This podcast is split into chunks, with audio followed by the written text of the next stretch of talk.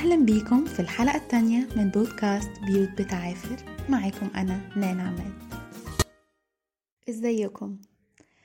آه شكرا جدا على كل تعليق آه وصلني أو رسالة على أول حلقة من البودكاست. آه حقيقي شكرا جدا جدا. آه ممتنة لتشجيعكم. آه بيفرق جدا وخصوصا إن أنتوا أكيد سمعتوا في أول حلقة صوت العياط اللي كان حاصل. أنا مش بسجل في استوديو أو في مكان مخصوص أنا بسجل في البيت بالموبايل. فاحتمال كبير نلاقي صوت عياط صوت حد بره بيزعق. أصوات الحياة العادية اللي إحنا عايشين فيها دي. ميرسي جدا ليكم و... ولأن أنتوا حقيقي مشجعيني إن أنا أكمل. بعد أول حلقة بتبقى الموضوع إيه؟ آه ولا لأ طب عجبهم طب أكمل. فشكرا جدا جدا. خلينا نبتدي مع بعض بأول كتاب. زي ما قلنا الحلقة اللي فاتت هيبقى اسمه ذنوب الآباء ومسؤولية الأبناء.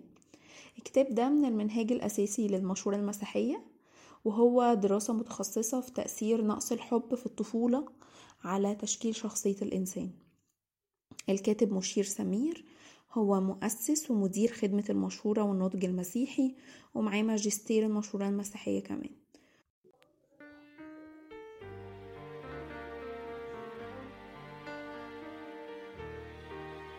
وإحنا بنبتدي مع بعض الفصل الأول عايزة أفكرك إنه الله هو الوحيد اللي يقدر يغير قلبك ويشفيك من كل ألم اتزرع جواك. وكبر وانت ما كنتش عارف هو إزاي بقى موجود. إحنا مع بعض في الفصل الأول هنكتشف حاجات جوانا إحنا مش فاهمين هي موجودة ليه. هنعرف إحنا تعرضنا لإيه وصلنا لده. عايزة أقولك إنه أهلك عملوا أحسن حاجة عندهم على قد معرفتهم. والنهاردة دورك إن أنت تساعد ولادك بأحسن حاجة عندك وإنك تتعلم وتصلي عشانهم وتطلب معونة من ربنا لده. هو يقدر يغير كل حاجة بوظتها في تربيتك معاهم ويقدر يغيرك انت كمان للأحسن.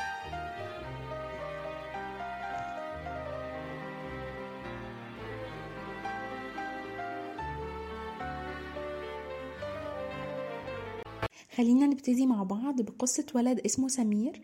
بابا اسمه ويليام ومامته اسمها فايزة. آه ويليام كان شخصية آه محترمة جدا. الطفولة بتاعتها كانت جميلة. من البيت بتاعه وعيلته عيلة محبوبة ومحبة جدا للناس. بس ويليام اتجوز فايزة اللي هي باينة قدام الناس شخصية دبلوماسية جدا ولبقة وناجحة. لكن ورا الشخصية دي في شخصية نرجسية. يعني إيه نرجسية؟ يعني مش بتهتم بمشاعر الناس مش قادرة تحس بيهم أصلا أو تتعاطف معاهم. لكن أهم حاجة عندها تعمل اللي هي عايزاه بصرف النظر ده هيأثر على جوزها أو بيتها إزاي هيعمل إيه مع ولادها؟ مش مهم خالص.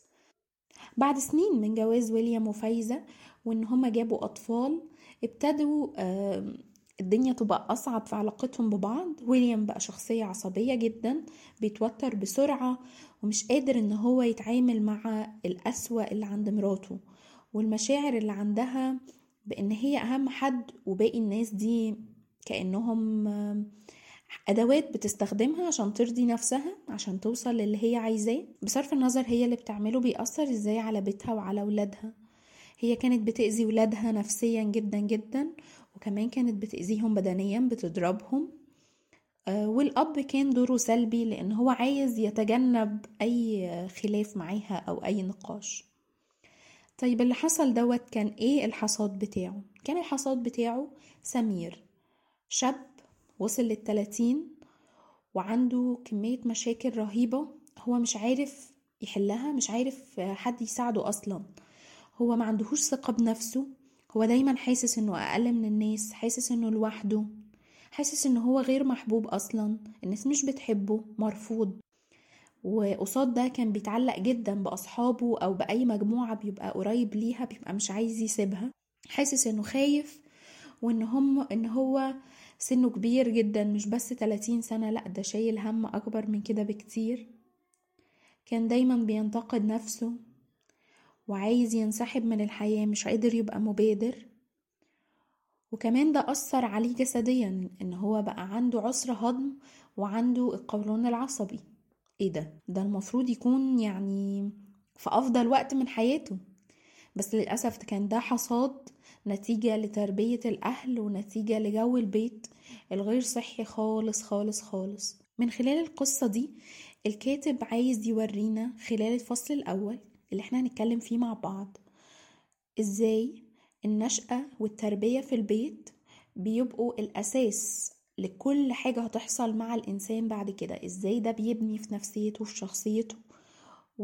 وحتى لو الأهل مش متخيلين إن هو هيأثر للدرجة دي لكن هنكتشف مع بعض قد إيه التأثيرات بتبقى عميقة وبتبقى في أساس الشخصية بتاعة الإنسان. نبدأ في المرحلة الأولى وهي أول سنة في عمر الإنسان وهي آه، مرحلة بناء الثقة الأساسية. الثقة الأساسية في إيه؟ الثقة في قيمته في وجوده في الناس اللي حواليه وفي الحياة. الطفل أول ما بيتولد محتاج آه، حد يمسكه ياخده في حضنه يطبطب عليه يحسسه بالدفى وبالحميمية وده بيبتدي يديه ثقة في الحياة وكأن ده الانطباع الأول للطفل عن الحياة كلها. لأن هو في الرحم هو بالنسبة له ده الجنة هو ده أحسن وضع وده أحسن حاجة ممكن يكون فيها. ولما يتولد يحس بالرفض. علشان كده بنلف البيبي ويقولك نينيمه على جنبه ونحط حاجة ورا ظهره. كل ده ليه؟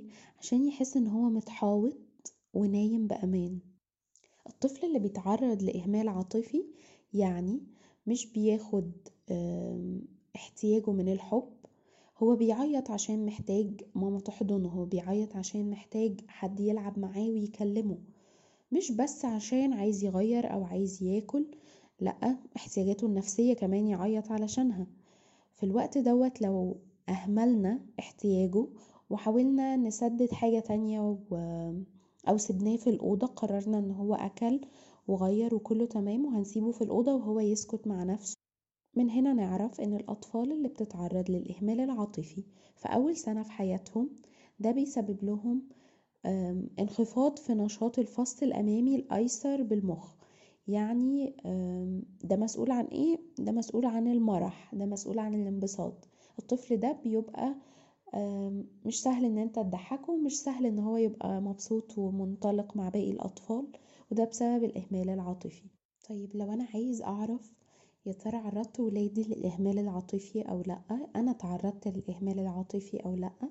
في حبة علامات هنقولها تقول الشخص اللي قدامنا أو أنا شخصيا أدور جوا نفسي الأول اتعرضت لده ولا لأ. غالبا أنا ببقى حساس للرفض جدا مش بعرف إن أنا أقدر نفسي دايما أحس نفسي ضعيف وقليل وسط الناس. بحس بالفراغ لأوقات كتير. ببقى خايف أقول رايي بوضوح لأنه لو قلته طب ما عجبش اللي قدامي أنا هحس بالرفض. فأنا عايزة أستخبى. لأنه غالبا أنا مش مهم للناس ومشاعري ما تهمهمش في حاجة. حاسس إن أنا لوحدي مهما كنت قاعد وسط عيلة أو وسط أصحاب مش حاسس بيهم حاسس إن أنا لوحدي. أنا صعب أطلب مساعدة من حد. أنا بفتخر دايما إن أنا مش عايزة حد يساعدني لكن أنا من جوايا أنا محتاج الناس جدا. أنا جوايا فراغ. كل الحاجات اللي قلناها دي تقول إن أنت تعرضت للاهمال العاطفي تقول إن أنت عرضت ولادك لإهمال عاطفي.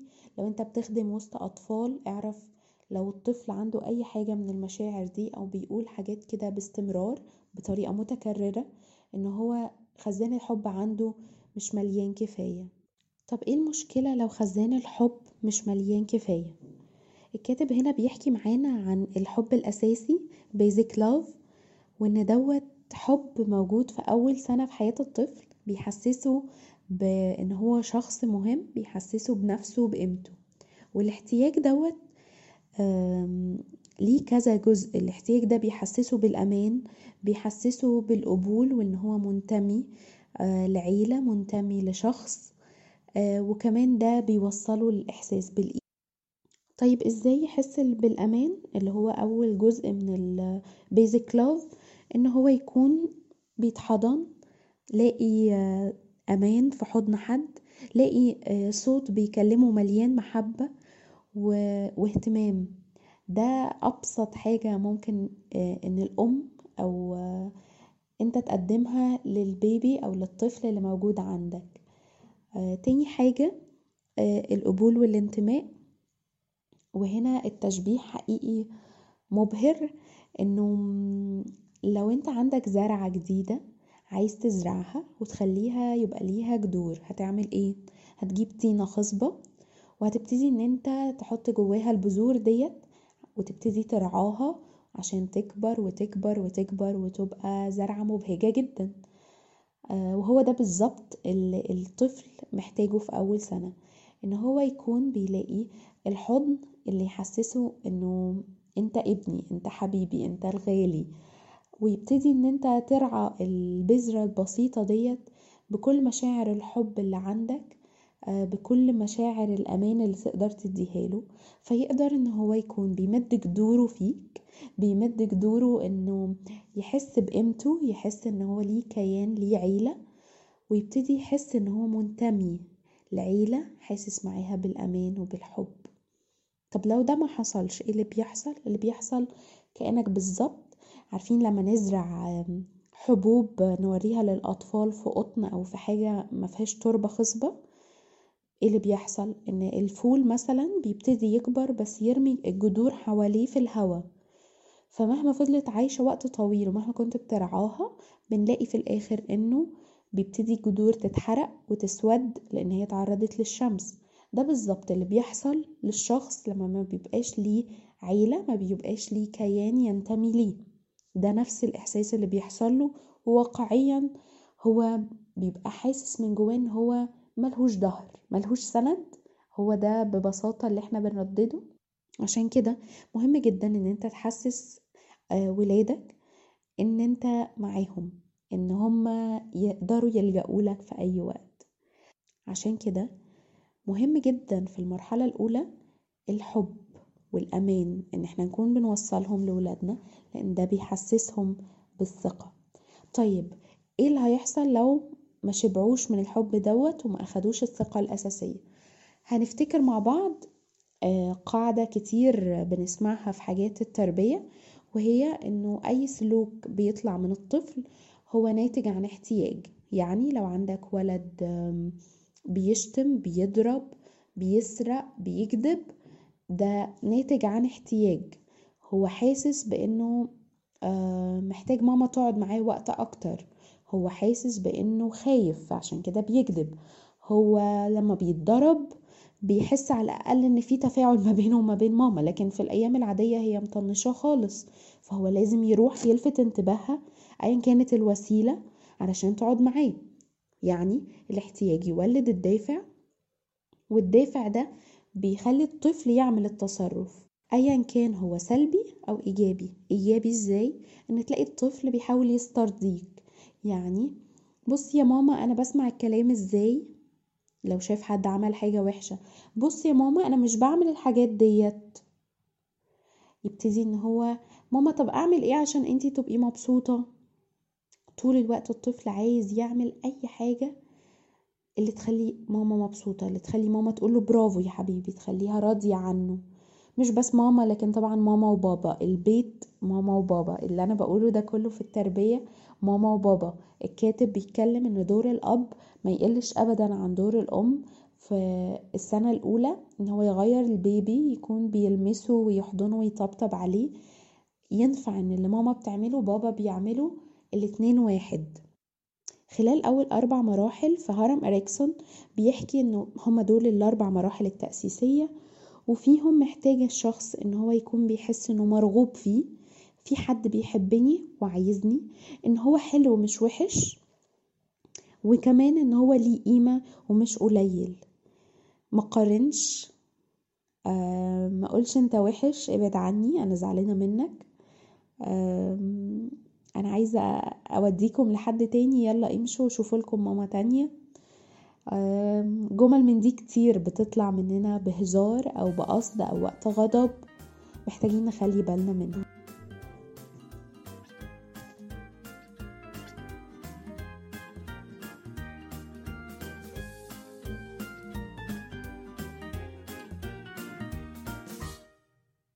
المرحلة التانية. عندنا تحدي جديد فيها وهو تحدي الاستقلال. آه، بتبتدي من أول آه، ما الطفل بيكمل سنة يبتدي يبقى يعرف إن هو وماما مش حاجة واحدة هو حاجة وماما حاجة وهنا بيتولد الطفل نفسيا. يعني يبتدي يبقى عايز كيان خاص بيه فيتحدى آه، نفسه إن هو هيعرف يمشي لوحده ومش عايز حد يساعده فيقع. اللي بيحصل إنه في أهل بيجروا بسرعة على الطفل. حبيبي سم الله. معلش إيه اللي حصل؟ وفي أهل تانيين ممكن يسيبوا. وما يتكلموش وهو هيقوم لوحده. وخلاص. بس هو الاتزان هنا هو اللي مطلوب. يعني حبيبي إيه ده؟ أنت وقعت؟ سم الله حبيبي. يلا أنت شاطر وهتعرف تقوم. عايز مساعدة؟ يلا برافو. بدل ما أروح أقوم الطفل ممكن أجرب أمسك إيديه ويبتدي يتسند عليا ويقوم. المرة اللي وراها هيقع تاني. حبيبي إيه عايز مساعدة ولا المرة دي هنعرف لوحدنا؟ يلا بينا. هتلاقيه هيعرف يقوم.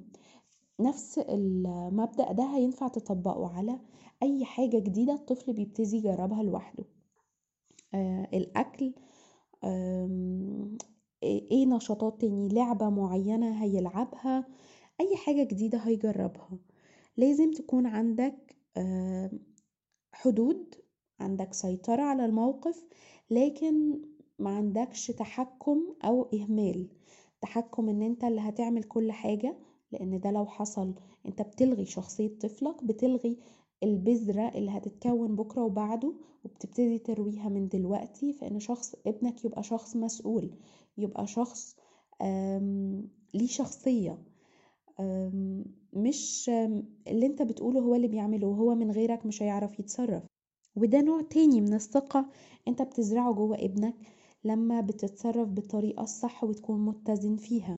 نخلي بالنا ان في المرحلة دي آه، الطفل لو اتعرض لحماية زايدة أو اتعرض لسيطرة هو مش هيبقى قادر بعد كده على المبادرة مش قادر ان هو آه، يعمل حاجة لوحده. خايف دايما من الفشل عنده إحساس بالذنب لأنه بيلاقي لستة كتير قوي كبيرة من الحماية الزايدة اللي هو خلي بالك خلي بالك خلي بالك. شفت؟ أنا قلت لك خلي بالك. شفت؟ أنا قلت لك بلاش. حبيبي ده لسه أول ده في تاني سنة لسه ما وصلش سنتين. هو لسه بيتعلم. فهو لو ما غلطش ولو ما بوظش هيتعلم إمتى؟ ده الوقت بتاعه إن هو يغلط. علشان كده محتاجين إن إحنا يكون عندنا توازن عشان ما نخليهوش زي ما قلنا مش قادر إن هو يبقى شخص مسؤول قدام في المستقبل. بكده نكون خلصنا أول مرحلتين من هرم أريكسون اللي بيتكلم فيه عن تحديات وأزمات كل مرحلة بيعدي بيها الإنسان. استنونا يوم الاثنين الجاي الساعة سبعة عشان نكمل مع بعض باقي المراحل في الحلقة الثالثة من بودكاست بيوت بتعافي. ربنا معاكم.